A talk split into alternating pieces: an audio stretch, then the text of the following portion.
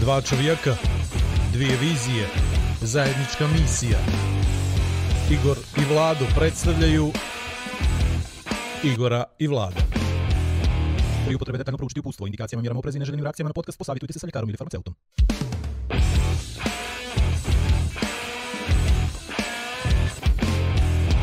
A da vi rečem.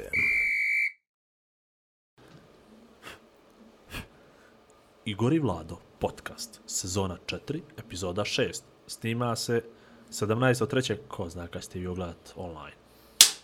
Dobar dan, poštovani gledalci, uvaženi slušalci, svi ostali diljem svih meridijana, dobar dan. Iz Nikšića. Iz Šavnika. Po, oslobođenog Nikšića. Oslobođenog Nikšića, ne znamo čega. Ovaj, ja bih na samom startu da kažem da je nama jedan divan kukuriku dan, kukuriku dan, srećan Andreju rođendan, e, našem poslovnom partneru, prijatelju podcasta i čovjeku koji je zadužen za naš sajt koji još nije odnosno završio, dobro je završio. Tako, završio ali ide ka tome. Ide ka Ide tome, ka pošto to, smo polako. Ljetos, ljetos je trebalo da bude gotovo sve i samo Mi smo rekli nije, ponedeljak, ali, znaš, ono, nismo nismo rekli koji. E. Ni, ali da, nije sve do njega. Mislim da je ovaj da je da je dobio sasvim dovoljno pažnje s obzirom koliko E, pošto imamo te tatanje da E, to je druga tortu. stvar, to je druga stvar. dobro. Da se zahvalimo prije svega Teta Tanji i Saši koji nas trpi čitavo ovo vrijeme, koji nas je montirao prošle sezone, nažalost njegovu. Teta Tanja nam je spremila kolače. Torta. Ovaj, pa dobro, dva kolača, dvije, E, to dva parčeta torte, jel? Jeste. A, dobro. Moj. Vlado, kad Mogu- počnemo od samog Stani, početka. Kako smo se dogovorili s ono s Andrejom? A, ovako Ti pričaš, a ja jedem, jel? Jedan jede dok drugi priča i obrnuto. Znači, Vlado, ti počne da ideš, ja ću da krenem Ajde. polako Danas podcastom. predstavljamo ekskluzivno. Nema ništa Igor ekskluzivno. Znači, ono što je dobro bilo uh, prošlog puta, to je što smo odmah prešli na akciju. I kao što je tad, evo, Dajko slavamo ovaj, na, na svemu tome. I milost. I e, kako je on odmah prešao na akciju i mi smo vidjeli u stvari, gledamo se na poznate ljude. I vidimo da oni to znaju kako to treba da se, da se ovaj radi. Ne, a stvarno, to mi smeta. znači, probali smo, ok, ne ide, hajde, vrati to dolje. Ne mogu da te gledati dok jedeš. Samo sam htio da vidim Znači, ne može. dok ćeš izdržati. Krećemo, krećemo odmah uh, bez predstavljanja sponzora, bez bilo čega i idemo danas sa današnjim temama. Nešto broj jedan naravno ovi izbori u Nikšiću koji su protekli kako su protekli. Dobro. Međutim, ono slavlje i, i tugovanje i proglašavanje pobjednika, međusobnog optuživanja, mjerenja ko je izgubio više, ko je dobio više procentima, je li Ništa ne ura, ovoliko ili onako, ali ja mislim da smo mi svi zakukali. Dakle, nismo Iz- zaurali, iz- nego smo Iz zakukali. mog ugla političkog analitičara ja bih rekao da je to sve očekivano. Tako. Nema izbora u Crnoj Gori da nisu svi dobili. Nije sa, ali vidiš, Kako? kako sam ovo sad izveo više, oni smo svi zaurali, no smo svi zakukali. Moglo bi to Nije to- Možda im, mogu, to- mo- možda, možda im prodaš proda. E, I prodaš slogan. Naravno, dugo se pričalo o koalicijonim kapacitetima DPS-a i ne DP i tako dalje. Mi naravno se nećemo baviti tim stvarima. Mi se uvijek bavimo ovaj naciju. Znači, Dakle, ja, se, od- ja se osjećam ko DPS trenutno, znaš. E, Koalicioni kapacitet nula. To ti znaš, spreman za partnerske odnose nula. dobro, vidi, to se gradi. Zakon ponude i Vlado, to se potražnje gradi, o tome se radi. nula. Znači, a, DPS-a Niti me ko želi, niti mogu s kim. DPS-u spotičavaju, spočitavaju, spočitavaju se kaže, E. me, spočitavaju da je unakazio političku scenu Ako zadnjih, ja jel, kao klimam 20, 30 glavom, godina, jel- da. hoće li se to shvatiti kako Ovaj, treba? Da, potvrđuješ ono što drugi spočitavaju. O, ali ne slažeš se s tim, naravno.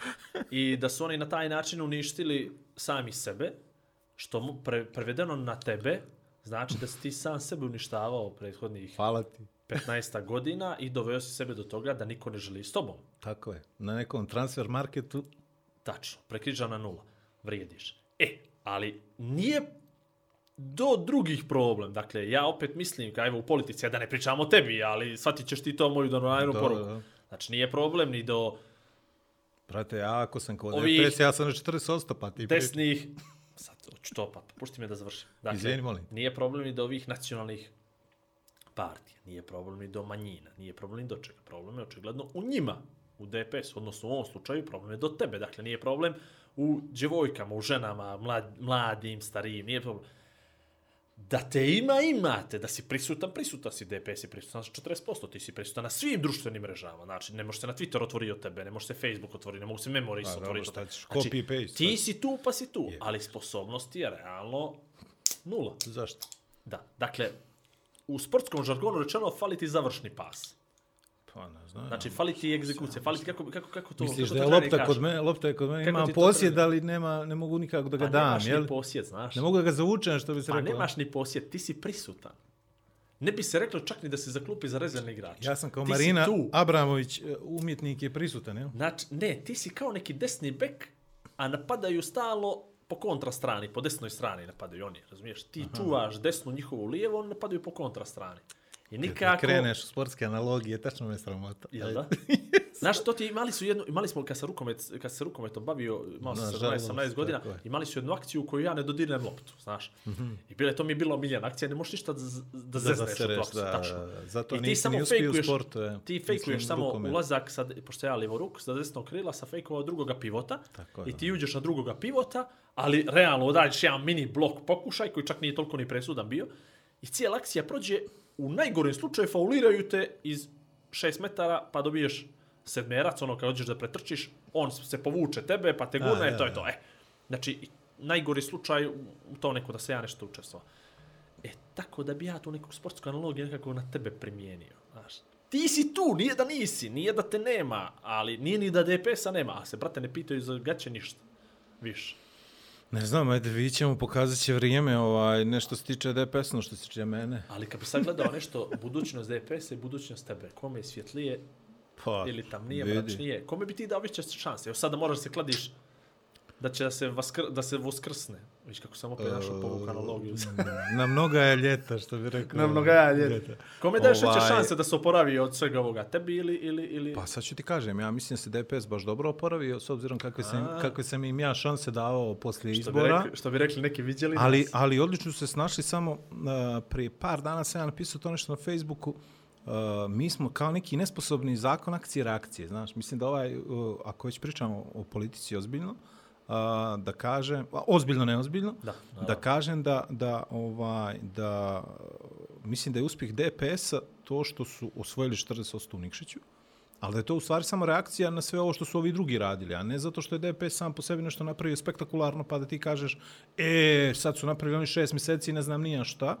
Apsolutno ne, nego su neki pokazali su manje sposobni nego što su pričali. Sataš. I sa druge strane imamo ovo sa ovim zastavama.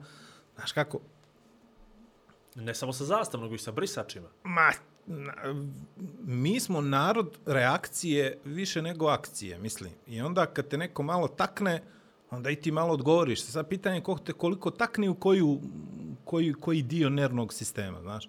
I mislim da je ovo, DPS se pretvorio jednu lijepu desnicu, neku crnogorsku, koji, koje nikad nije bilo. Ili je bilo, ali nekim minimalnim procentima. I da je on okupio jedan blok koji se sad predstavlja tako kako se predstavlja. Je li to dobro za nas? Mislim da nije. Ali je reakcija na sve ono što se dešava s I druge to iz strane. ugla političkog analitičara Vlada Perović. Pa, majstore, meni se familija bavi politikom dugo godina, tako da... Je li, od kojih ste vi. Perovića? Od onih 90. što su onih bili da- aktivni. jel? E, vidiš, Perovića ima svuda po svim partijama. Tako je, Snašli ste tako, se vi. Tako, snašli smo se Snašli mi. ste Ja vi, vi ste doveli ali... u izvršnu vlast, Ja nijesam, ne, ma nismo mi, slabo Ne, smo, mi smo vječita opozicija. A nije loše opozicionarima, čitam neke Ko? kartone, gledam, kartone gledam po internetu. Nisu baš zdravstvene, više su iz banke. Ovaj. Te imovi, imo, ja se kaže imovinski kartoni, sad to dobro shvatim. Ja, pravo ti kažem, moj imovinski karton je takav da mora, mora to, tata da mi karton. krepa da bih ja imao nešto. Znači. Što nije loše. A? Što nije neđe ni Pa, loše. Ne, ne loše da sa- bi on, samo da ti on, kažem, ne, da on poživi. E, pa, a on će poživi sigurno, E, zato to, što to. imaće neđe Vlado, stotinu gledaj kad to na ovaj način. Gledaj to na ovaj način. da bi ja imao nešto. Gledaj to na ovaj način. Gledam. Može li ti ko što uzet sad? Ma ne, brate, pa, se radi. to ti kažem, ja sam sretan. prevari. Ja sam potpuno sretan zato što sam u situaciji da nemam šta da izgubim, kapiraš? I onda mogu i s tobom ovo da pričam i mogu iz puno srca da kažem da DPS napravi uspjeh, pa neka mi zamjere kako god će. Pa pametni, tako. mudri ljudi, mudri ljudi, ali baš, baš mudri ljudi su govorili, sa velikim slobodama dolazi velika odgovornost. Znaš, Tako je. Kad ti hoćeš sad baš sve u sve da se pitaš sve, onda imaš, brate, neku svoju odgovornost. Odnosno, što to znači? To znači da nema niko da te zaštiti kad stvarno se ukenjaš do daske, kapiraš? Znači, mi bi sad voljeli da se igramo na berzu, do otvorene, jel, E, ulažimo pare. a s tuđim parama? Ali, pa, s tuđim parama, bi mi sa svojim, ali ako krenemo da gubimo, da ne gubimo svoje. Znaš, to je ta odgovornost koju mi ne volimo. Sad, dobra stvar kod tebe, što ti stvarno nemaš ništa svoje na, na, na svoje ime i što realno ta odgovornost je neđe sedana na neki minimum.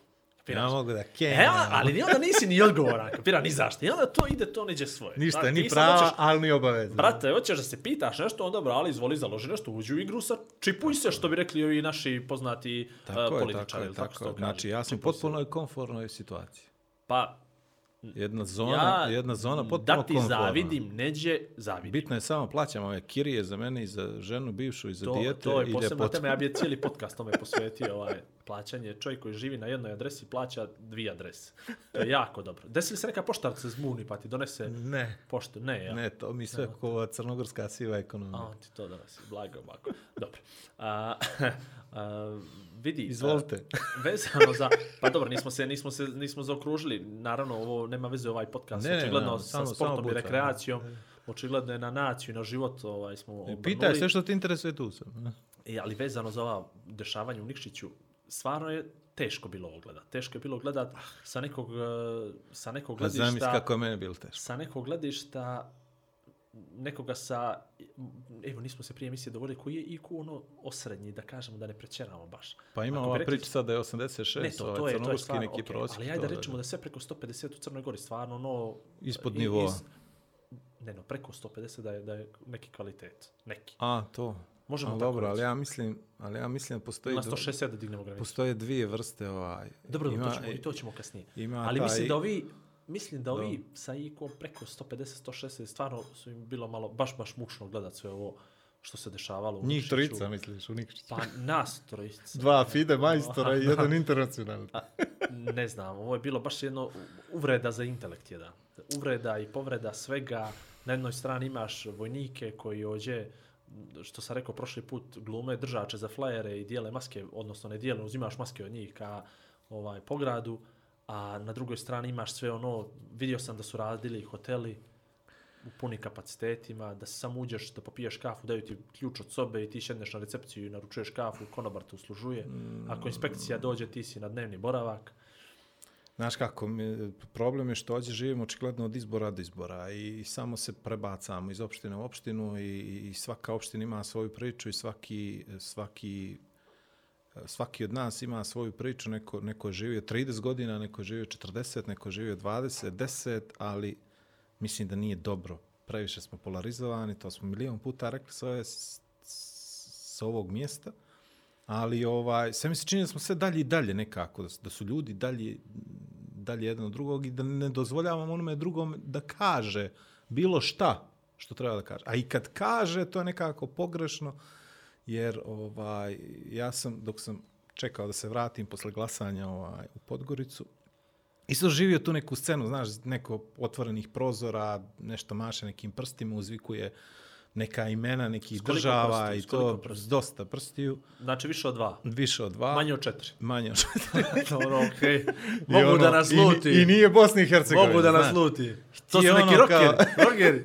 Ne, nego spilane. Aha. I Spilane. viču, i viču imena država. Neka Jamajka, Jamajka, nije. Ja. To pa, zato ti kaže nije Bosna i Hercegovina. I ovaj, i sad on, naš, on nešto kao prkosan. Mislim, Tako je, bre, ono, tako je, bre. Da on meni dokaže Ovo, da je to njegovo tu tako i da ja sad treba... Na. Tako bre, dživiga. I sad, pazi, sad, sad, sad je meni drugačija možda situacija jer sam ja prošao to kroz, opet pričamo, politiku, porodicu, 90 i tako Samo dalje. ti, sad, ti si tad mahao prstima, I- ne... Da, ja sam više drugačije, zna, ja sam, ja sam njih ubiđivo da je ovo ođe to Crna što je, e, to, sad taš. E, I sa manje da. I ovaj, ali, ali nekako mi to ako ćeš, ne znam. Sve mi se čini da nekako pokušavamo da, da, da napravimo neku atmosferu glupu gdje treba što više da se sukobljavamo nego da pričamo jedni s drugim, da se dogovaramo oko nekih stvari. Pazi, mi smo... Mi Pazi, samo izvini da završim. Ovaj, najgore od svega, opet se vraćamo na isto 15. završeno sve, opet mora ponedjeljak, mora se radi, mora se nešto privređuje, mora da se nešto, ne znam, ovaj, da se zarade neke pare, neke plate, neke, ne mogu eto penzije, samo osim da si živ, jel? Ali ima na sve manje, tako da ni neke penzije se neće zaraditi, jel? To je jedna stvar. Druga stvar, sad su počeli da licitiraju s fabrikama, to mi je najbolji fazon. Dvije fabrike ćemo da otvorimo ođe. Ako brale te fabrike ne budu radile kako treba, džabana, mislim, imamo već, ovaj, već imamo priču o, o zatvorenim fabrikama, o neuspjelim nekim projektima i tako dalje. Tako da, puf, kako je to grdno. Kažem ti, jo, najgore od svega mi je, svaki dan mi dođe da, da izbrišem sve neke uspomene lijepe koje imam vezano za Nikšić, A ili da nekako, ili sa druge strane nekako da zanemarim sve ovo što mi dolazi sad, znaš. Mislim, pričao sam sa ocem isto dugo E, tog dana i, i ovaj, njemu još gore, sataš, on, on pamti još bolji Nikšić nego što je bio kad sam ja, ono, kad se ja rodio i tako dalje. I, I sve to njima, pogotovo tim starijim, je vjerovatno i mučnije, zato što su oni živjeli nekom drugom vremenu potpuno konfornijem nego što ovo naše. I najgore je sad što ti neki ljudi pričaju priče kao da ti ne znaš šta su oni, odakle su, kako su se ponašali. na nekoga misliš. Znaš, ono i to, po, Na nekoga Bog te, misliš. znači, Iz ono, Nikšića. Užas. Četiri slova. Baš užas. I ovaj, ali ajte. A, vidi Vlado. Drago mi je da je moj drug Pero postao odbornik, to mi je lijepo. Koji Pero postao odbor? Pero, direktor Bedenfesta. Ma nemoj se. Što je bio na... Nisam znao da je na listu odmah. Pa kaže. e, zamisli, znači ljudi koji ne znaju, ljudi ne znaju Pere, znaš, sad svima, svima čudno, kako otkud Pero na listi DPS? Pero je A u DPS-u DPS, 20 godina, kapiraš? Vidiš, ja sam mislio da Mislim, demokrat. ako ništa drugo, Pekica je riješio četiri sljedeće godine, prima platu prvog, ja sam mnogo srećan zbog toga. Ne ulazeći, ne ulazeći u rezultate izbora i tako dalje, ovaj, Ali vidi, meni on drag lik, ja sam njega radujem. upoznao, ja sam njega upoznao na jednoj konferenciji, e, pu, ovo ja ne mogu znam, na ekonomskom fakultetu, mislim da smo govorili, govorili smo bili ja i on, on je bio prije mene, ja TEDx. automatski poslije, e, nije, e, ne, nije bio TEDx tad. nego nešto je E, bilo. ta, bravo, jeste, bio. i tu smo se TEDx, upoznali. ja E, A nije, nije, ne, ne, ne, TEDx je odložen prošle godine. TEDx je, Ne tad, nego... a nije bilo ranije. Nisam ja govorio na TEDxu još. Jel? Ja A, govorim da. prošle godine, pa je zbog A. Ne, ne, Pekica, ja mislim, jesi na nečemu govorio tako nešto. Pa to je E, bila, ali sam bilo. kako se zove, a ne bi stvarno da... da Možda je Ekomen onaj pravio nešto ili tako Jeste, nešto. ali Ekonomski evo mi je... Seo, Nema seo, evo tu je hodnik diploma, zakačam. Nebitno je. Prolazi pored nje svaki dan. Ali, mislim, mi smo se podigli, važno. slušaj, Pa samo ti kažem naravno. da ti napravim paralelu prije nego što završiš ti. Mi smo se podigli zajedno, ja znam kako diše, znam kako razmišlja, na koji način funkcioniše. I onda odjednom svi, otkud on tamo? A to je Pa, logično. va, nije on je tu 30 godina, Da, kapiraš čemu pričaš. Tako da, eto. Pa vidi, Drž se pekice, on- dobro ono što je, ma doći on nama u goste pre, doći ćemo meni da ga poperimo, ono, privući privlači publiku, komentare na To je kraju je ljudi, to. ljudi sve manje kom- komentarišu na glas. Uh, mislim da je u stvari problem svega ovoga ne bi bio toliki izbor u Nikšiću, preživjeli smo mi i gore izbore od ovoga i svaki put je u pitanju država i svaki put je u pitanju nacija, svaki put ljudi glasaju protiv nekoga, a ne za nekoga i mislim da je to Oh, nešto... je tek ovo. E, ali ono što mene zaboljelo ovaj put, to je ovo što se sve dešava sa pandemijom i odnosno za to me zaboljelo. Nije me zaboljelo to zbog Nikšića, zastava, 2, 3 prsta, 4, 5, 6 psovki. Mene pandemija, ozbiljno ti kažem, pogodila. Ali- Znači, ako smo mi ovdje zaključani kako kokoške svaku noć, ulazimo u, u, svoje kaveze i spuštamo roletne od 9 sati, pa nemamo me zajeba da tamo neki Nikšićani, zato što su nekakvi izbori, nije druže varedno stanje, brate, pale baklje, rade kafane, Meni to- restorani, kafići, imaš Meni je sa to zastavama. nula zdravog razuma i sa jedne sa druge to strane, znaš, ono, baš mi je, baš mi je Na, problem. u istom tom momentu skupljaju se Ali- 200.000 eura za ovoga doktora, pokojnog da, da, doktora, da. da ide da spašava se život i on umire, a ovamo ljudi slave. A Ja ću, što ja ću slaviš, uvijek, ja ne da- bio. ja ću uvijek da idem, ja ću uvijek da idem da, da su Oslobođenja što se su- slave na tenkove. Tako, da, a ovi da što su to meni svima, bliže, jele, ako se ja osjećam kao crnogorac, ako su, ako ovi što nešto su, ko- pa ako se osjećam kao crnogorac, a ako su ovi moji bliži i nešto slave i, i šetaju sa tim zastavama, meni je teže.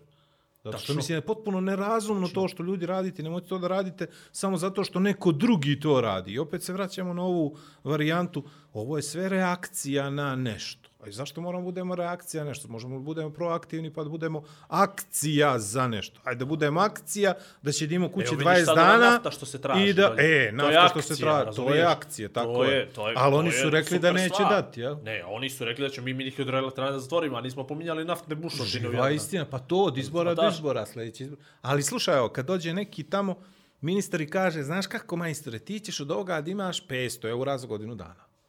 Tebi je ovoliko ti, Mm, brate, ti, prošle rašire godine. se zenice Pa i onda razmišljaš Bayern na 4 plus protiv Lacija, GG 4, aha, na 500 eura, to je 1200.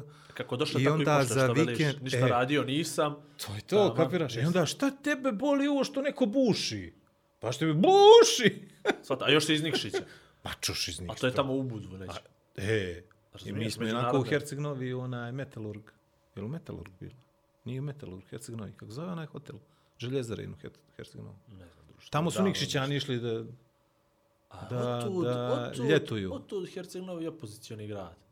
Ne, jel? A to je nešto drugo. Herceg-Novi ti od Bosne i Hercegovine. A misliš da je zbog kraja toga? samo. A, dobro, šali se, naravno. To ti je ono Berković što ste ja pamet. Ovaj, jednu bi paralelu povukao sa Japanom. Ovaj, Svi imaju studiju loša. da, u Japan je kriza, generalno, velika, evo, preslikala. Ne, Netflix je izbacio novu seriju Age of. Age of Samurai. Dobro. Dakle, Battle for, ja, Battle for Japan.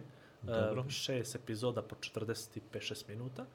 Ja sam stigao do pete i po epizoda, sam još 20 minuta, pošto ja to gledam uveče pred spavanje, a obično kad upalim, klapna mi se spušti. I onda to traje već jedno dvije neđelje, ja mislim tih šest epizoda da, da, ovaj, da gledam. Ali je nevjerojatna stvar i povukao sam puno paralela sa, sa uh, Crnogorom. Dakle, bavi se serija Japanom od 1550. do 1600. godine, znači nekih 50 godina istorije samuraja i bitaka ovaj u, u Japanu. Naravno malo prethodni malo još budućnost nisu, nisu ovaj generalno zagrebali, pa njihove osvajačke pohode, njihove ratove, genera, odnosno bratubilačke ratove, možemo slobodno tako da nazovemo, klanovi koji su među sebe borili plemenske. u Japanu i prvog ujedin, ujedinitelja Japana, kako bi ga nazvali, ovaj koji uspio da sve te klanove pomiri. Međutim, ono što je on ukapirao u tom momentu je to da oni već 100 godina se odgajaju, sto više, tad nisu naravno ljudi živjeli kao danas što žive dosta duženo, su mlađi umirali, mlađi potomstvo pravili, da ljudi su, odnosno samuraji su znali da ratuju. Oni nisu znali ništa drugo. I onoga momenta kad je stupio na scenu, ovaj ukapirao, ajmo mi da napadnemo Kinu.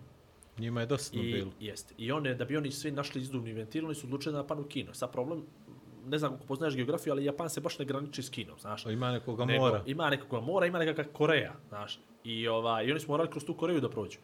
I onda su oni to nastupili nadmeno i rekli samo puštite nas da prođemo, imamo mi da se rokamo s kinezima, Mi- neće nam biti lako, ali mi ćemo njih da razvalimo, Mi imamo znaš. PCR test. Imamo, imamo, mi ćemo to sve, dz, sve da im razvalimo i s tim u vezi Korejci su rekli no pasaran i razvalili su ih. Znači, Korejci, zajedno naravno uz malu pomoć Kineza, su zaustavili Japance Kinezi u su im Koreji. dali infrastrukturu.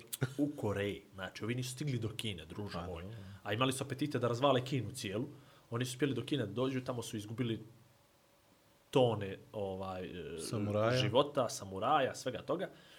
I vratili se, onda je taj umro neposredno, ali bao je takav autoritet da oni u stvari njemu uopšte nisu smjeli reći da oni gube bitke u Koreji, nego su ga stalno lažno obavještavali, da stvari on napredu, sve to ide dobro i on je imao potpuno pomućeno, pomućeno stanje Sad svijesti. je jasna paralela s nikšićkim izborima. Pobjedili Shvataš li? smo šefe, ali... Sataš, sataš, oni pobjeđuju, E, u, u stvarnosti ih sve manje i manje ima i on je neđe pred kraj svog života umro s ubjeđenjem da bi on Kinu pokorio cijelu, da, Da eto, ima nije još imao, koju godinu da života, nije ja. imao, i da nije imao, i da je imao malo sposobnije generale, odnosno vojko nisu generali, bili na vojskovođe, vi ste samuraji koji su vodili to, vođe tih klanova. I ovaj, Šest smjene ali, ali, ali, pazi, sve to gledaš i ono, ne vjeruješ koliko je u stvari pobrkani umovi uh, prave, ali pa, i, i, izvinjavam se, to traje 20 godina. Znači, naravno, to traje u epizodi 45 minuta. Ne to može golub 20 baš godina. toliko brzo da donosi pisma. Jel? Ali to traje 20 godina, to sve, ta, ne, ne taj rat, nego taj period vladanja, da, svega naravno, toga naravno. i to. I onda za tih 20 godina viš koliko neko, koliko je to djelić istorije, fragment mali, jel, neko to prepriča za pola sata, evo ja u mom slučaju sam to prepričao za 3 minuta, 20 godina. E tako će neko da prepričava o Crnoj Gori priču. Znaš, o tamo nekim, onda ti izbori Nikšić samo da prođu kroz jedan apostrof, kroz jednu osmijeh, znaš, nešto, kako je neko nešto mislio, a u stvari nije bilo tako, nego bila potpuno neka, neka kontra. E, još, jedan, još jedna stvar koja mi je tu vjerojatna e, bila u svoj toj priči, to je koliko su oni naravno bili ponosan narod, koliko nisu davali na sebe, poda, davali su to sve za svoje ime, sve im je bilo u obrazu, obećanjima i svemu tome, ali i kako su splek, spletkarili. Znaš, koliko god to bilo, imali su te neke dogovore, pa ovaj nekom nešto obećao, Braz je bio ispred svega, ali umjeli su da zavale jedan drugome, da podmetnu, da prekriju, prekriže, Nemoguće. prekriže običaje ratovanja samurajske, koji su bili samo dogovor, samo na livadu i tako dalje, tako dalje, pa onda ovaj jedan uleti njima po noći među šatore pa i pobije, pa ovi svi, jel, bogo moj, nismo se tako, nije to tako trebalo. Stani, Znači, stani, nisu E, tako e, stani, stani, dogovorili. stoj, ne važi. Onaj, rewind, Šljuz, premotaj, pa šljuz, idemo iz početka. Tako da sve to može da se definitivno prenese, ono, učimo kroz istoriju. Još jedna, ima puno stvari koje, koje su mi se, koje su mi se Vidim da pridale ti u svemu tome, utisak. je kako su, kako su stvari u Netflixu, ono to je sad, jel, zapadna produkcija, međutim bilo je puno, puno je, to je kao igr, nije igrana serija, nego kao dokumentarna, ali bili su ti sa samuraji, sam tom obučeni. nije Bazirano bilo na istinitim događajima. nije bilo dijaloga, a bilo je puno tih istoričara koji su govorili. Od istoričara sa iz Amerike, od istoričara iz Evrope, naravno istoričara iz Japana koji poznaju sve to i oni su kao govorili. I nevjerojatno je bilo s kojim oni Misliš koji poznaju sve E, to? to sad ti ja kažem. S kojom oni su strašću i ubjeđenjem govorili da je to tako bilo. Dakle, i onda oni sad govore, dakle, taj glumac glumi nešto i onda govore mu, oni, oni govore kao, on je u tom momentu shvatio da je napravio pogrešan po- ili Prelomio. on je znao da će nešto, ili on je mislio, on je saznao, njemu su rekli, njegov stav je bio to i to. I ti, zdravo za gotovo, ako odlučiš se tako da prihvatiš, ti odjedno postaješ vrsni poznavalac japanske istorije, tradicije, Pa, kulture i svega toga. Oni su ti samo kompresovali sve to kroz igrani serijal. a? Ajmo mi, da, ajmo mi sad da dekompresujemo crnogorsko-srpsku molim te, istoriju. znači, Pa, o tome se radi. Nama ovdje prodaju nam svu ovu priču, nam prodaju što je Njegoš mislio, kako se Njegoš izjašnja- izjašnjavao, što je kralj Aleksandar jednom prilikom u jednom pismu nekome nagovijestio. Ili preko telefona. A što je on to mislio? Znači, on Đede, jesu molim to te, đede. napisao. Pa sad poslanica, pa viđeli, molim te, pismo majke nečije što je ona rekla da njen sin nije što mu dade, što mu zboreno je vitez crne go...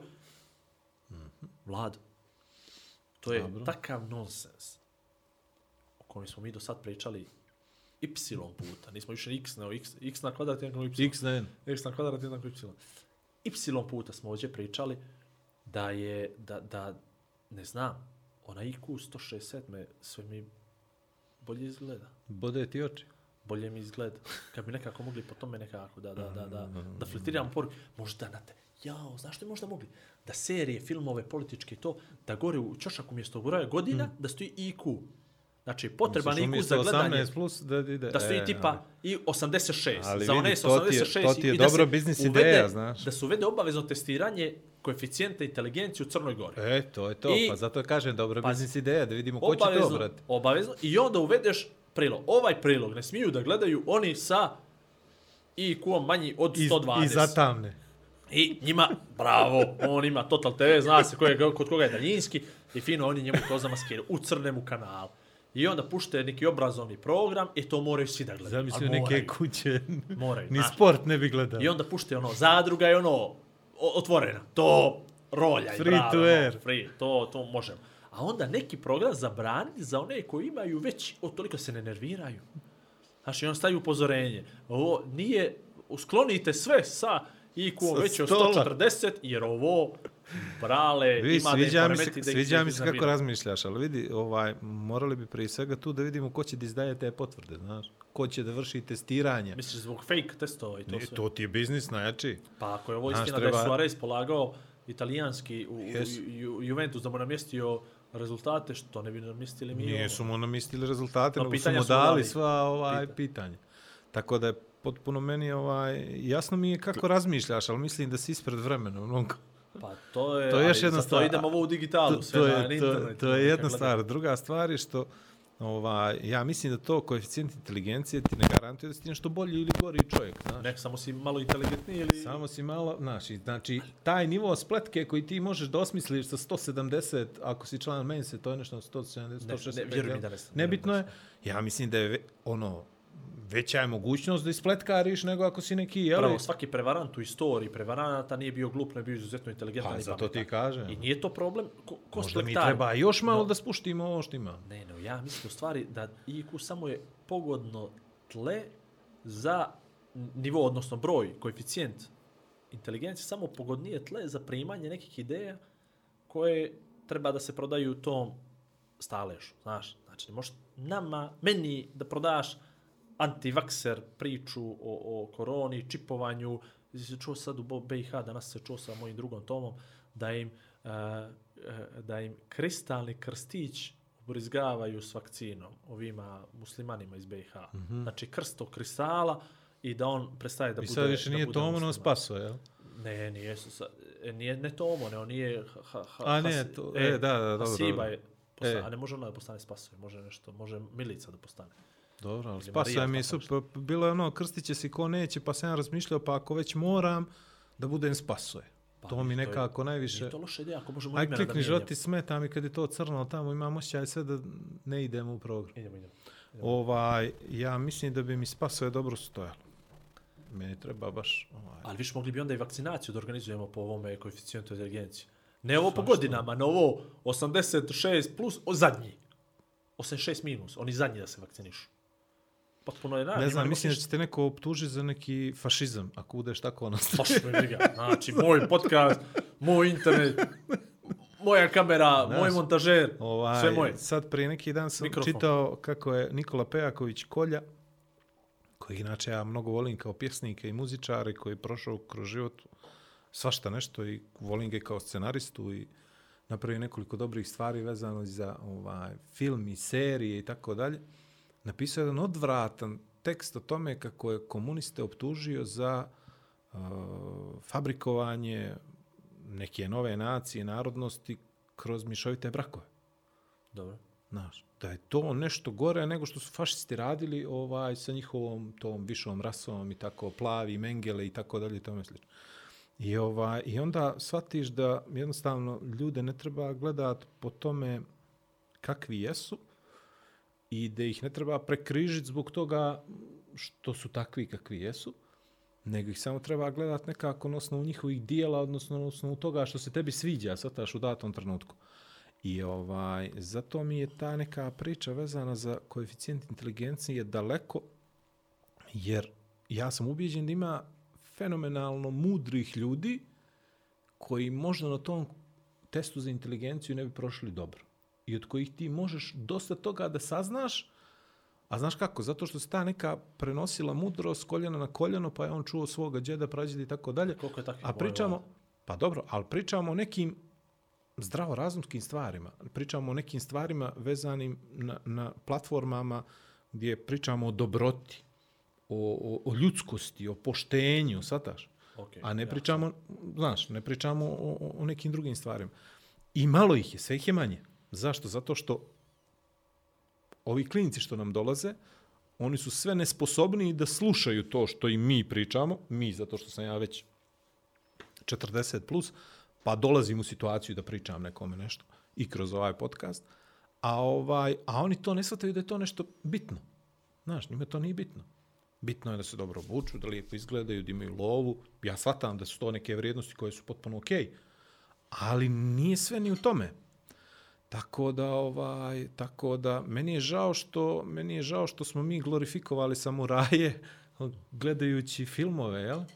Koji su bili e, interesantni, Kurosawa je to fenomenalno radio, pa smo posle kroz, kroz, kroz remake-ove tih filmova, prije svega westerne, ovaj, razmišljali o tim nekim odnosima pravde, prirodnih i neprirodnih stvari, na koji način je li razdvajaš dobro i zlo, ko je dobar, ko je zao i to je lijepo zato što smo to imali, a opet sa druge strane sad kad ti dođe ta priča da oni nisu baš bili dobri s glavom i u vinklu, onda ti malo razbiju te mitovi. Sad, kao, kao ona priča za Nikšić. Znaš, s jedne strane mi je jako žao što vidim što se dešava, a s druge strane, ne znam, ono, pamtim bolji. Pamtim bolje. Ali vidiš, što, što je ono, vas zapita što je sljedeće, će li sutra da E, naprave bravo, bravo, emisiju da, bravo. ninjama, da nam kažu da oni nisu postojali. Misli tako nešto Ne, ti urade? ne, I nego ono, da- ninja vazduh, zapravo on nije postojao. Misli to ti urade? ne, On Pazi, ne, nego, nego ninja samo plaćeni ubica, hitman, kapiraš? O, to bi bilo strašno. Znaš ono, Ja ne mogu da on je samo to radio za pare. Ono, znaš, da ti dovede, da ti dovede u situaciji da razmišljaš da on to samo radio za lovu i ništa ga drugo baš nije ga, baš ga bilo briga. E, baš ga bilo Baš ga briga, bilo kapiraš. Ali dobro. A ima, bila je još jedna interesantna, jako interesantna stvar koja me, koja me natukla na razmišljanje. Čak sam stavio pauzu i počeo sam da razmišljam. Ja kad razmišljam o lepim stvarima, počnem da se smeškam i onda je čak i... Hiljadu lepih stvari. sam onda, znaš, počeo da se smeška i zamišljam. Uglavnom imaju, ja, samuraji su imali jednu lijepu, uh, jedan lijepi običaj, a to je da odbiješ poziv, prvo kad te neko zove, dok snimaš podcast, Dobro. to je prvo bilo. A drugi običaj je bio, kad sklope dogovor, kao garanciju za dogovor su davali u razmjenu svoje najbliže. Znači, ti i ja se dogovorimo i onda ovaj da ili majku, ili čerku, ili sina, kao garanciju da će dogovor biti ispoštovan do kraja. A ja tetku, na primjer. A ne te, ne može tetka, vi svi znamo za ujne tetke, teče i e, za ove dževere i dževerđiće da Dobro.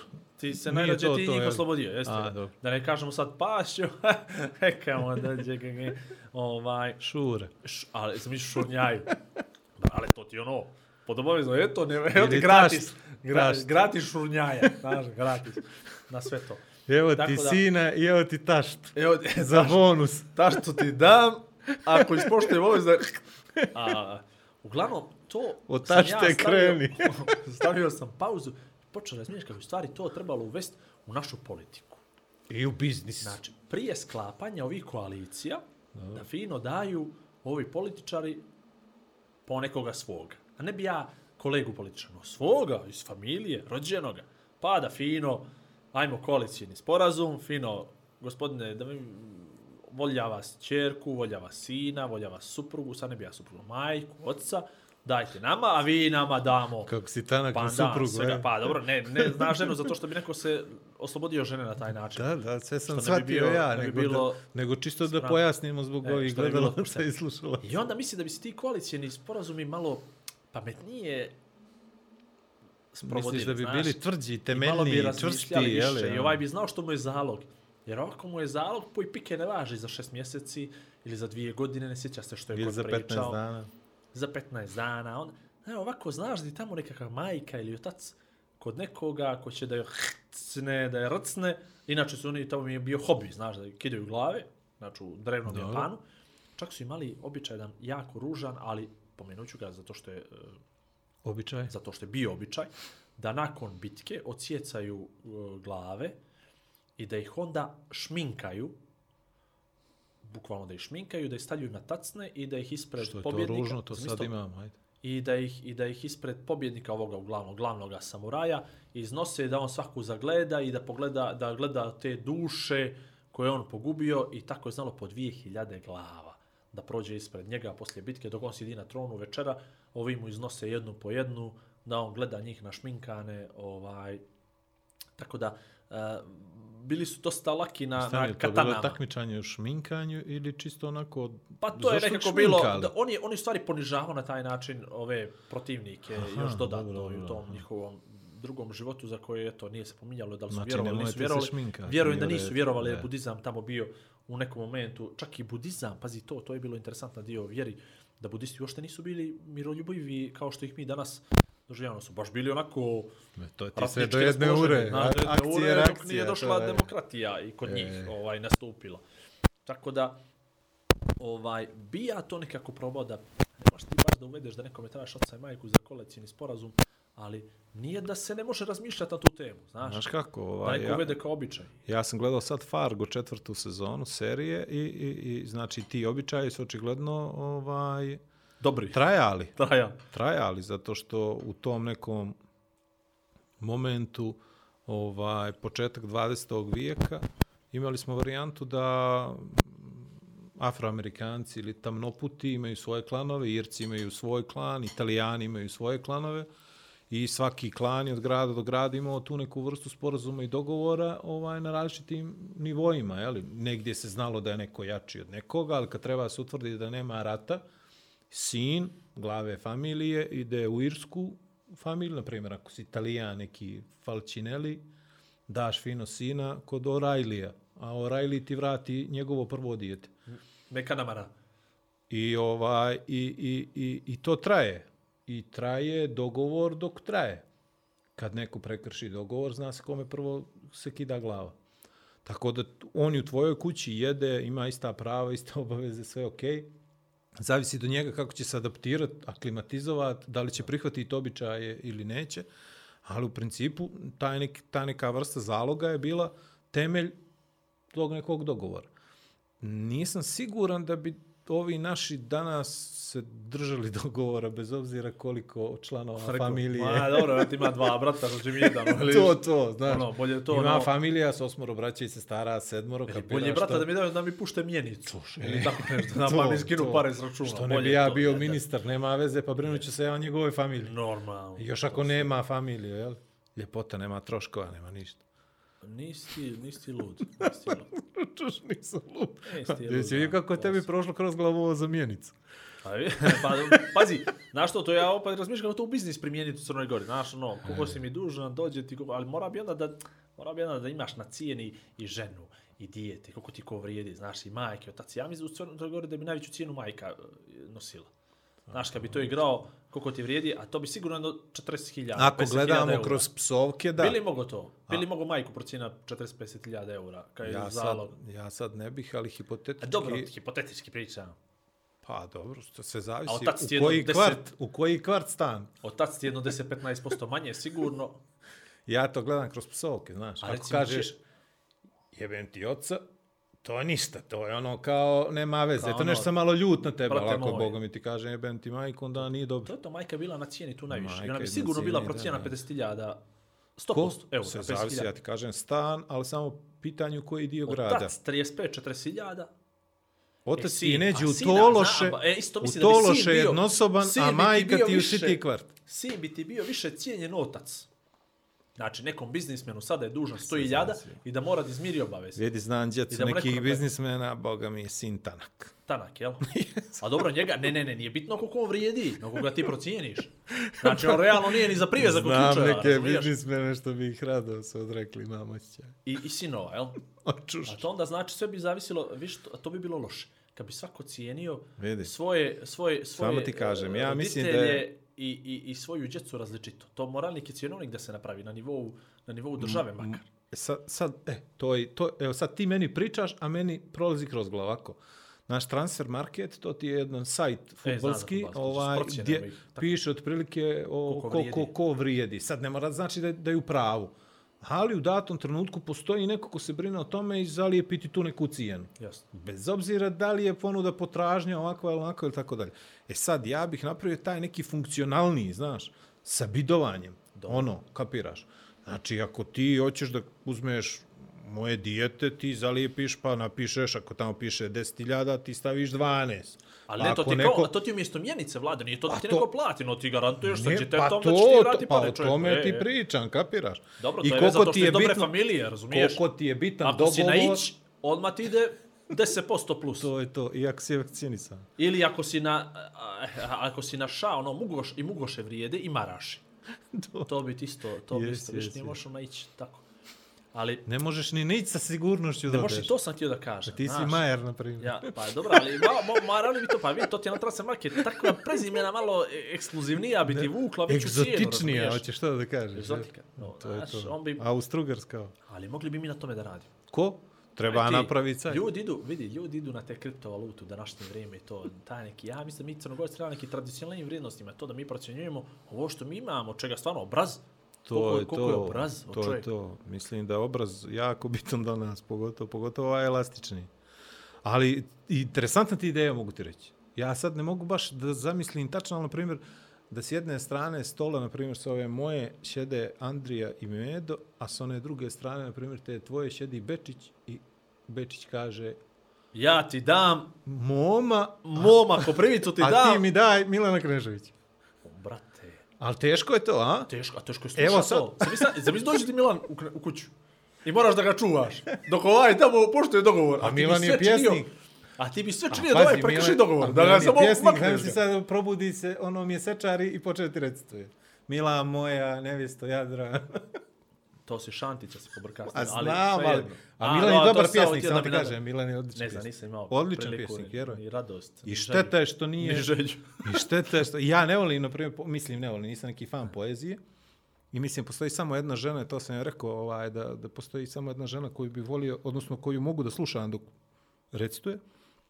A Milan Knežević ima stvarno neke onako dirljive. Ovo bez kad ne zaluta, ovo Srbija, ne, Kosovo, EP, nemam pojma. Ali to mu je samo zbog Ali kad je lirike, pa to, to mu je biznis, To mu je biznis, odluka, da, odmah ti kažem. To, ja to poštujem. Ali dobar, dobar pjesnik. A Kad Momo, pomenu- a Momo, Ali kad pomenu, vidiš kad pomenu njega, se koliko bi on majku cijenio, druže. ko posle svega ovoga što je... To, Če, to bi bilo. Ne onaj, bi je da, ne bi, ne bi je za 100.000 kap dao. Pa, taman, kao mjenicu za kap uvališ to, druže. Za 600 radnika. A zamisli elektroprivreda kad bi otkupljivala od račune za struje po familiju, po, po, po, po narodu, no, ovaj mi dođe 12.000 račun za struju. I prvu i pa drugu. uzme, pa mu uzme, Brat od tetke. ajde, mom, mnogo je dijete, a mnogo je dijete, a brat od tetke. Ode on- mi ga na leasing jednu godinu dana da ga I onda on koristi. mora da radi, znaš, To, onda ga oni stavi kao stražara neđe. To, znaš, to. ono, e, to tu je, brate, kao dug Na, prebijamo na dug. mratinje ga stave. Na, bravo, bravo, bravo. Na branu. Ili na branu, čisti bre, filter. 15 Ona- dana, 15 dana, evo ti stražari. To. To Ili saobraćaj da regulišu kad popravljaju ove stupe. Ili ga pentra neđe, a to je već cedis. To sad smo ušli paralelno u ovu dimenziju, to mi se ne sviđa nikako. Ali vidi, ja mislim da ideja, mislim da ideja dobra. Mislim da je ideja dobra i da bi trebali je neki zdrava, da razmisle. ona je zd- tako ideja je zdrava, Malo znaš. vuče na robovlasničko društvo, ali sa nijansom. Ne, ne, ne. To Feuda- mora, prešli smo u neki ne feudalizam pričamo- kasni. Ne pričamo o crncima uopšte hoće. E, boja kože nam je potpuno Black nebitna. Lives Matter. Znači, potpuno nebitna boja kože, tako da robovlasnič u tom nekom smislu... Probali smo malo, samo se šalimo, ali možda smo prećerali. Nismo, što pa ljudi koji su došli do ovde do, do Pa, 45 ja ti se kunem, minuta podcasta, ja sad kunem da ima familija u Crnu Goru koja ova sluša i koji govori ovako. Nisu vi ja da, brate. Nisu vi ludi, nemoj. Pa, ali, To ti je kao ono buksovaca kad je onaj ujaka prodavao na autoplat. aha, e, a ne, da, da, da, da, ujak. Ali vidi, sad kad pomenu brato tetke, brato tetke, opet, brato strica je druga kategorija, ono, brato tetke. Ja ne bi da, brato strici, Ali meni ko ti je nekako najmanje ono bitan neće u Crnoj Gori ono, ali ne pričam sad o ovim Zovičićima i to ne, pričamo o ovim Tašta, s familijom. brate. Ne, dobro, Šalim tašta, svi znamo, svi znamo da bi je Neko da, bi neko sve krv. Neko, neko bi ovo ti uz doplat. Ja sam ti kažem, meni je, meni je malo ove teško. braće, ove braće, se Meni, to, to, pazi, striče, me- mala to. mi je familija, onda ne mogu da razmišljam, znaš. Ne mislim ja o tvojoj familiji. Pa četaj, nije nego, pa malo mi je te, pa, znaš kako, sve to, sve to Ko ti je pravi, najnebitniji? praviš paralele. Pa nemam ja tih najnebitnijih, nas ima šestor, o čemu pričaš? Čuš, ti što ja Pa znam, ali ja pokušavam da ti kažem da ja ne mogu da se transformišem tako lako. E, Može li bistrina da je najnebitnija? Ono, kako ti to dođe žena od brata. Nije, ono, volim pa ja nije strinu, strina, ne jest, znam. bravo, volim ja strinu, ima strina, A ali... tetak, tetak je vazda muškarac u kuću koji je došao, a nisi ga ti Stranac, neko drugi. stranac, stranac. Tetak vazda nešto visi, ono. Jednom stranac, stranac za uvijek. Kako kaže onaj. To je himna tetak. tetak. Pa realno, Dok se infiltri, infiltrira, a nema šanse da može uđi u posjedovni list, nema trika. Koliko bi tetak vrijeđao? Jedno, tri, tri i po. Ne bi Ko? toga. Kakvi bre, to možeš... I to je mnogo, jel? To, tetak ti je kao opel onaj A, kocka. a tetak, još ako ti je tetka dobra, dobra, mislim, ono, zdrava, ti tetaka možda imaš više. Zdrava tetka. Zdrava tetka, ono, a, dobra, postavljena, Znaš da, zna da se nosi. Znaš kako, ja mislim da tetka vazda zdrava. Rijetko ćeš ti vidjeti da je tetka nije zdrava. Pokušavam, pokušavam da, da, da, da ocijenim ima li ko beznačaniji u, u familiji, u prvi prsten familije E beznačaniji. imaš tetke. to ti jetrve za ove. Znači jetrve za ova, to ti je ono isti je, rang, brate, samo na dvije različite strane. Po 500 euro uvrh glave. Ko? Po 500 euro. Znači, vjeru, To ti ja bi ono- mijenjao za skinove To, igricu. to, to dolaziš u situaciju. bi, to tamo za skinove da ih mijenjaš. to dolazi, jetrve za ova, to ti ono već u situaciju dolaziš, zove li se na svadbu ili se ne zove. E, to, to, to, to je to, je to. Bez djece. Uglavnom su oni bez djece. O, nešta, eto. A pomenuo, vidi, pomenuo prije, prije epizode da no, ti me nešto s ovim IQ-om, mislim, malo, si me malo cisnuo, ali ja sam htio da, na primjer, u Crnoj Gori ima mnogo dobrih projekata koji su trenutno u fazi razvoja, evo vidimo i neki Ovdje se e, za, za neko kolektivno stanovanje, vidimo ovaj Zain Park sam gledao, dobar projekat, isto to su ono kao mini stanovi neki e, po stana izvini? u zgradu. Tu, sve u kolini Podgorice je to. Pa oni imaju neko kao privatna e, igralište svoje i tako da i tako da. Ono, To skupljaju ko ljude. City K samo na, na, na Manje, još. samo manje obima, samo manje E, obima. pa to, ali u tom to- Smislu manje obima. Pa, na primjer, Luštica cijelo što se pravi, pravi se novi grad tamo. Ne pravi se hotel i ti apartmane, oni prave cijeli grad, samo naselja, na, naseljavaju ljudi. Ali ja bi neđe, da mi sad neko ponudi, da će da napravi u, u, u- Crnoj Gori neki gradić mali ili neku zajednicu ljudi, bilo gdje u Crnoj Gori. Znači, ne mora da bude primorje, ne mora da bude centralni dio, može i na sjever neđe, i na istočni, i na istočni sjever, Kao i ono na zapadni kamp, sjever.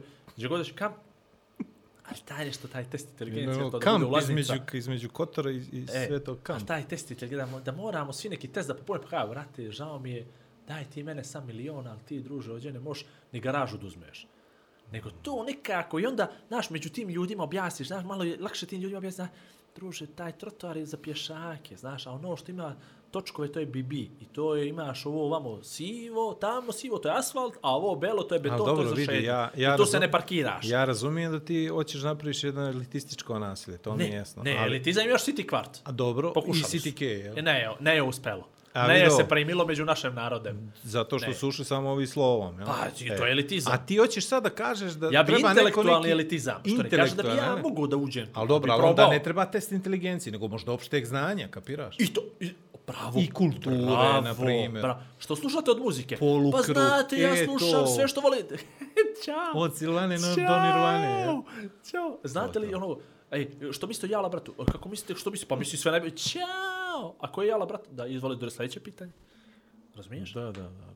Neko, da, neko pomenu juče dok, dok sam igrao na, na, na, na uh, igrao sinoć, do kasnu noć imali smo neki turnir online i ovi sad moja ekipa na Discord i pričaju, pričaju i ovaj se nešto iznervirao na nekoga i kaže on njemu, ali sad ja ne mogu citirati, ja ne znam, ma, psovka neka, nije bitno, ti si taman za onu, reče ime random neko žensko, ti si taman za onu, aj, sad ću reći Jovanka. Evo, zato što ne znam nijednu Jovanku. Ma, moja baba je ovo. Ja pitam njega, ko je Jovanka? Kako je on, pa onaj zadruge. A, Znaš, to je taj ali- level. To je taj, to sam htio kažem, nađem, da i nađem ime, da nađem ime koje meni sad ništa ne znači, ali, ja, kao, ali ne znam koje sam zaboravio. Poznavanje materijala, je. Ja, aha, dobro, okej. E to, da te neko pita što misli o Jovanki, ti kažeš, pa dobro, dobro, znate kako ja mislim, e to. Znat likovi zadruge isto, ja mislim, neka vrsta opšteg znanja, svataš. Ne, opš, opšteg neznanja. Ne nego znanja, zato što možda želiš da zaobiđeš te likove, svataš. Ali ja ne mogu da dođem u dodirnu tačku s njima ni u jednom momentu. Oni ne mogu da ušetaju na ova vrata. Čudo izlazak vrata. noćni van koronarni. Ja to ne praktikujem. Ja to praktikujem u krugu porodice. Znači, dobro, van kažem korone vam, izlazim e, u krugu porodice. Pa dobro, ali kažem ti opet, ne smiješ da budeš toliko, a neću kažem sterilan, ali striktan sa pravilima, svataš. Da objasniš. Zamisli kako, Ali- zamisli kako to nasilje bilo dosadno. Slušaju svi džez, Herbija Hancocka, uh, citiraju Ničea,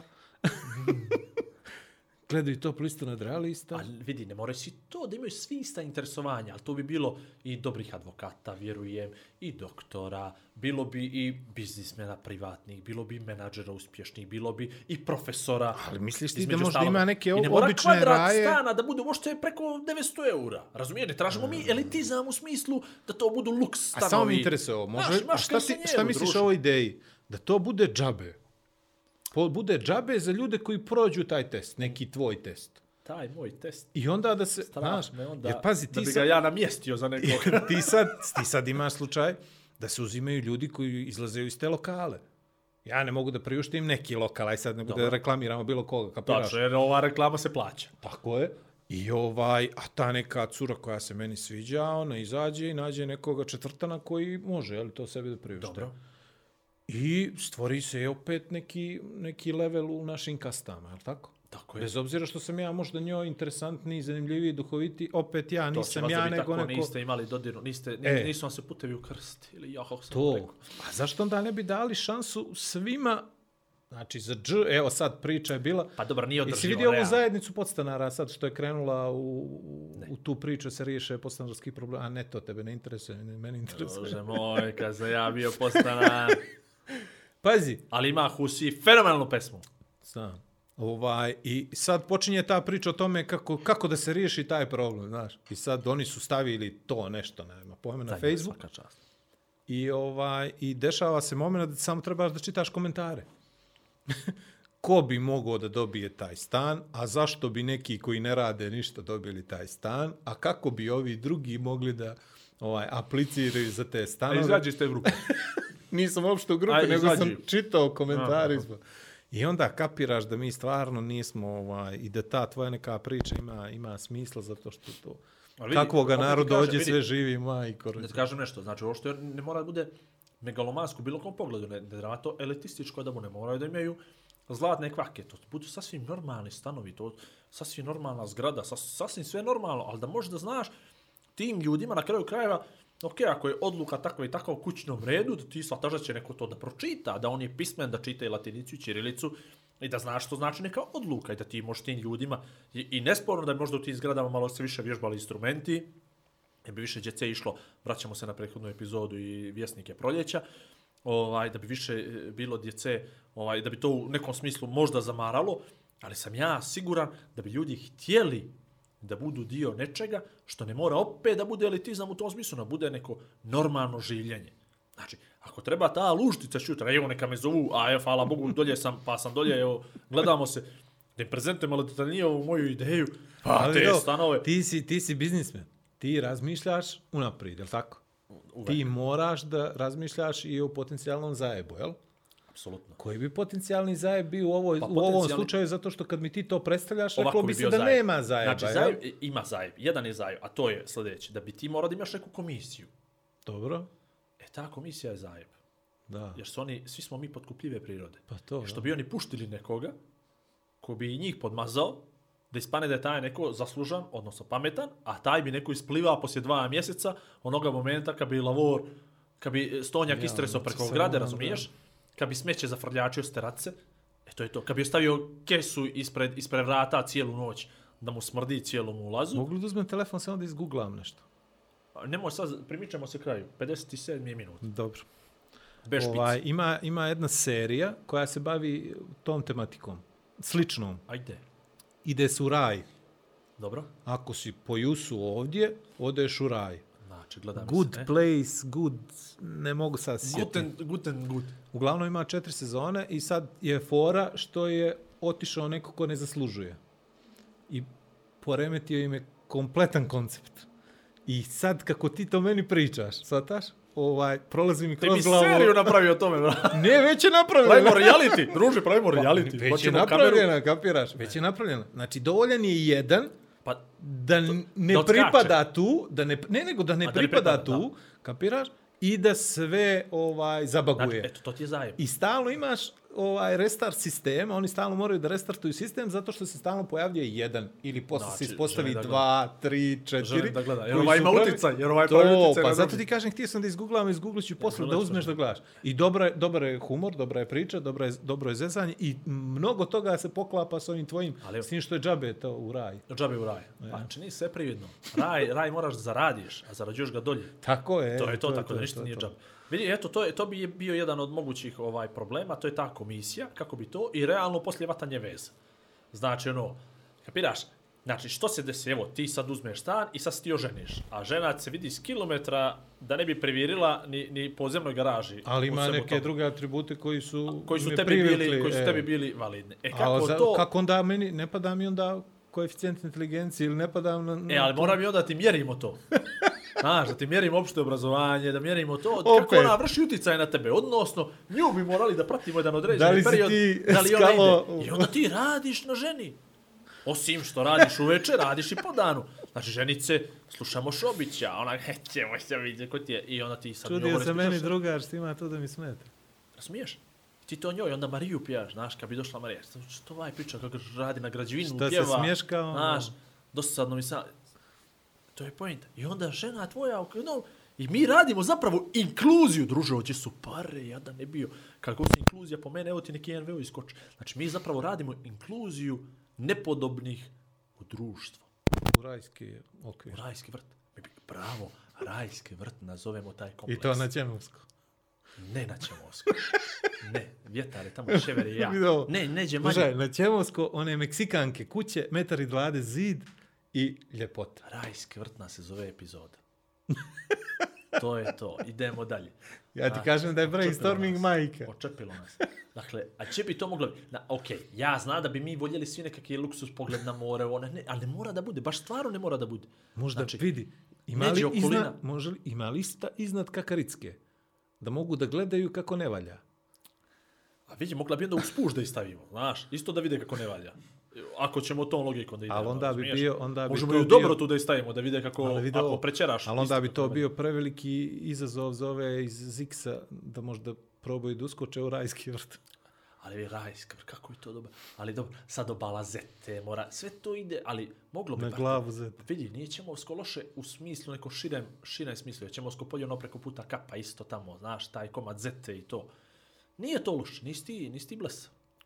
Zašto bih, zar misliš da bih ja ovakav bio ovdje naspram tebe da sam blesao?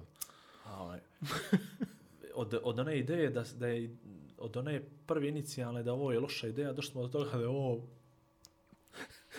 a, vidio, a već imamo i seriju koju ćemo Znači, da prikazujemo da kao kažem. pilot I projekta. ovo je bravo, ona, evo, Evo, to će- seriju, to ovako To izgleda. mi bi, mi bi htjeli ovako. Znaš, i onda, pazi, koja bi ti bila prodavnica tu? Ostaje Gdje samo bi da odemo do Baće i do Čelebića da bi govorimo s kupovao njim. muzičke instrumente, ajde da te pitam ja. To, vrt. to je to. to. Gdje bi ploče uzimao. Poslovni prostori Gdje bi najbolja knjižara u Crnoj Gori bila. To, u to. Rajskom vrtu. Tako. Razumiješ? Znači, da je ovo okej. Vjerojatno bih i voli Laković. Amfiteatar, pa se E, čita poezija, pa, Pa neko dođe... pita, neko te pita, dođe, dođe Henko- Laković, kaže, ja bi to, eto, prosto. Može, Vo- voli. voli. Voli, voli te. Voli opet, voli ide malo, znaš, malo, oni mali imaju ne Provlače karticu bolje. Pa ne samo što provlači, prodaju ti 2% ili 3% na, na, na, na hipotekarnu banku dodatno, ali polica, izbor polica, ne znam kako ti to primjećuješ, ali vjerujem, meni to masu znači. Jel? Znači, polica, Ja uglavnom, cijene, znaš kako idem da, da kupujem sad u posljednje vrijeme?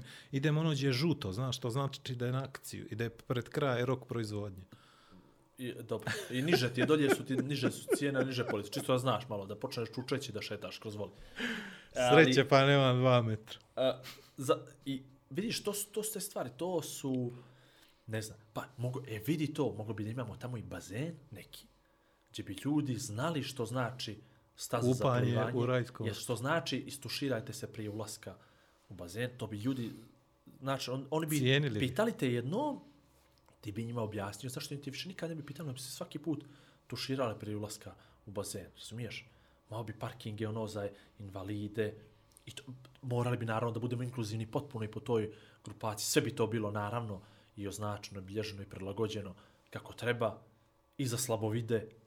Ja mislim da bi to, to stvarno moglo. I tamo jednostavno, ne znam, bili bi, bili bi pravi lounge barovi. Znaš, što A mi ne, ovo ovo, liči? a ne ovo ujutro, pazi, Ovo imaš mi sad liči na Nojevu barku, brate. Imaš, a, a svi bi on board, svi bi on board.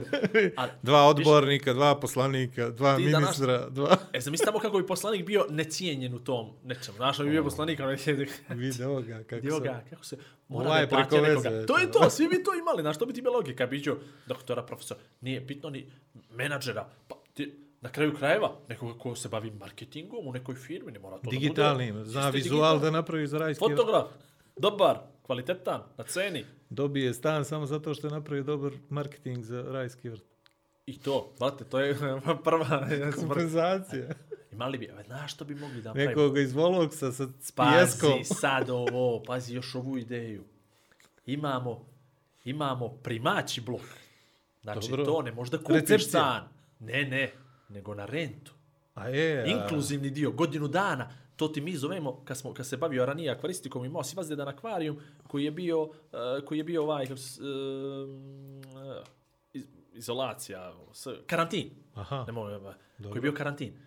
E, i ti kad kupiš novu ribu, ne ubacuješ je u akvarijum s drugim ribama da je ne zarazi, da ne Da, da, da, da, nego staviš u karantin, ista je tehnička specifikacija vode i gledaš kako se ponaša prve dvije neđelje, poslije dvije neđelje ubaciš. E, Prebačiš je u komšiju. Hoće i staviš jednu godinu dana, prvo u tu zgradu. I to su vi, znaš, mjeriš im ponašanje. Što, kako, vidiš kako i onda može, Dobro, evo, to tako izvolite, bi trebalo i za brakove, sve da kapiraš. stan. Prvo, prije nego što uđeš u brak, godinu dana živite zajedno. Pazi ovo, ako kupiš stan u svemu tome i oženiš se umeđu vremenu, preseliš se u ovaj stan ovamo sa ženom, ne možeš u svoj da ideš godinu dana, dvije, dok ti ženu ne, ne istesi, kako sam to rekao, ženu ne istestirao, ali svata što ti kažeš. Ovaj, dok ti žena. Ali pazi, ja sam sad dođe potpuno seksistički nastupio, zato što je možda žena kupila stan, pa se udala, pa muž ne može da uđe. Ako znaš za takvu neku, Da javi te mi. zovem, jel? Kakav bi ti učio, svaku noć bi učio. Daj mi nešto iz postmodernizma. Znaš, upali mi, rokoko. upali mi virtualni tur Louvre. Na, virtualni Louvre da vidimo. Ne znaš ništa dušo o Van Gogu, čekaj da ti Nemoj, molim te. Humanizam i renesans.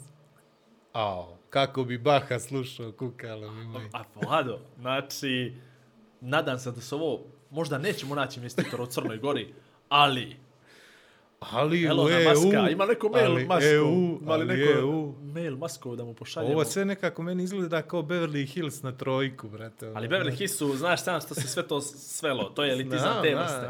Ali Pa zato baš kaže nije- na trojku. Ovdje bi bio duhovni elitizam. To, to. Znači, morali bi da imamo i bogomolju, ne daj Bože. Ako si već rekao duhovni. Ateisti bi bili. Ali ne, ali ono sve, znaš, ono, da ima i krst i gore, znaš, morao bi to nekog, ovaj dizajner, brate. Da sve to ba- ubači u jedno, Da jel? se bavi tim. Krst, srp i čekić. I čekić uvališ još. So, brate, za komuniste. Tako je, tako je. Znaš, imamo ateiste, komuniste i vjernike unutra. Sve. Sve može. Samo kvadrat stana i ne skup. Ne preko 1000 eura. Ja vidim da će neki tsunami, čim si ti ovako pripremio za ovo. Ide jedan kataklizma. Imao sam još jednu temu, ali sam zaboravio potpuno. Pomenuo sam ti je prije i nebitna je potpuno sve mu. Ne znam. Meni ja, bilo ja čitao vrijeme gledam ovaj kolač. Hoćemo li završiti? Aj, još ta, ta, Hoćemo mi da privodimo ovo kraju. Ja mislim Znaš da da je u mi na redu. jeziku e. mi stoji cijelo vrijeme nešto i rekao sam ti, to ću da pričam. I, Samo i, da nisu to. Nikšić izbori i drugo što god ćeš. Da nisam što sam u, ja, u samuraju, sam u jajima preskočio. A jesam možda, a pa Ne znam.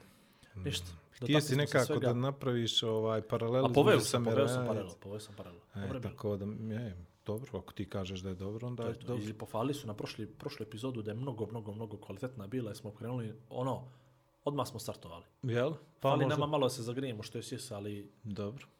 Uh, da zahvalimo prijateljima podcast. Znači na a i Tanje u tortu. Andrej Šeter, hvala na, na torti. Uh, hvala braći Šeter, hvala Dejanu. E, Možemo li, e, možemo li reći šavnik? može, jel? A, može. Kaže da može. A slušaj ovo, a, e, po meni je onoga Mm. ime. Mm. Stand up. Dabanović, Dabanović. bravo. A je. Pa to što sam ispričao prije. E, Andrije, samo ti kažemo, mi smo upoznali čovjeka iz Šavnika. Jeste, Eto. pošto Andrija stalno, stalno, odnosno ja sam bio na dva njegova nastupa, dva njegova nastupa je rekao da je momak iz Šavnika uh, mitsko biće. E, tako ga je nazvao, bravo, sad Nije, ja znam da je storicu, ajde. mitsko biće, da on nikad nije vidio i rekao je ga kapo, i mi smo svi umirali osmijeha i ono, brate, stvarno, ne znam nikoga iz Šavnika, da. I momak dolazi i kaže, ja sam veli iz Šavnika, ja, ga, jevo Ma te! đavola bi ti znao Da je. Šavnika da ja nisam osjetio akcenat. Moj, Ti si meni pitao. blizu. Pa, da, sve to tu, znaš, sve što ja volim rekli. kad nešto čujem to tako, kava. To. Tako da eto, Kontaž. da kažemo da tu foru može slobodno Andrija Bači, Bataljuj. Bači je, ima momak. iz Šanike. Ali vidi, svaki, put, ka- svaki put kad ispričaš, a ja je čujem, ja ću, ja znam. Ali Pa, ako kažeš iz Boana, e, to je zajebano. Ili iz Plužina. Ali zbojan, a vi možda je fora za plušine bilo. Eto, vidiš da je neki đavo. Idemo dalje. Vidi, možda je prijatelji- bravo, možda je fora bila za... Ne, ne, šanik, šanik. Prijatelji podcasta, znači na sajtu www.duplov, igor i vlado.com .com možete pronaći sve naše prijatelje podcasta. Uh, možete ih pronaći kroz skrivene poruke. skrivene poruke koje nekako netremice pokušavamo da ih pošaljemo. skrivene poruke, znači to su naši prijatelji iz Red Bulla, Kimbo Kafa, Kukuriku, Production. Production, Lamija Kaza. Lamija Kaza, Elko Team, ova rasvjeta Elko divna, Team. sve to. A, portal analitika, tamo smo opet neđe u gornjem lijevom uglu. Tako da možete da nas nađete na Facebooku, na YouTubeu, e, ja sam pokrenuo neku sitnu malu akciju i vidio sam da imamo jednog subscribera više, znači e, jako bi nam značilo na YouTubeu da nas malo pogurate sa subscribe-ovima, to vas ništa ne košta, to je jedan klik, mi izađemo jednom nedeljno, možete nas preskočite, a možete da kliknete, nas čujete, odnosno vidite. Na SoundCloudu isto bi to lijepo bilo da uradite. Lako je Igor i Vlado podcast, to je prvo i jedino što vam izlazi u, u srču. Na Facebooku imamo stranicu, tamo može like. Nismo baš nešto teški i naporni s nekom pričom, tako da možete i to. Tako da, eto, ne znam. Imate tamo opcije, Igor voli da postavi da nam platite kafu, imate Patreon, ako imate viška, ako nešto, imate euro, para, dva, nešto, tri, mada mjesečno. teško, kriza je, sve znam, Teško, razumijem, ali ovaj... A Ali, nama znači. Ali nama znači, makar da ne moramo da, uh, da se preko Viber grupe ogrebemo za kolač kad je Andrej rođendan. Eto, to je to. S tim u vezi uz tradicionalni crnogorski pozdrav mi se bi pozdravili od vas i ovu, koja je ovo poredu bila? Šestu epizodu. Šest epizodu. I eto, skoro smo na polovini ove četvrte sezone, još tu sedmo da odradimo. A ako i ćemo, nećemo ove godine stavljati na 14, pa samo da smo zdravi, nego dok traje. Biće 14. Pljunite me ovdje ako ne bude. A vidit ćeš kad završimo na koronarno pod ove mjere, bit će ti ga milo raditi. Ajde. Aj prija. Aj zdravo. Dva čovjeka, dvije vizije, zajednička misija. Igor i Vlado predstavljaju Igora i Vlada. Pri upotrebe detaljno proučiti upustvo, indikacijama, mjerama oprezi i neželjenim reakcijama na podcast, posavitujte se sa ljekarom ili farmaceutom.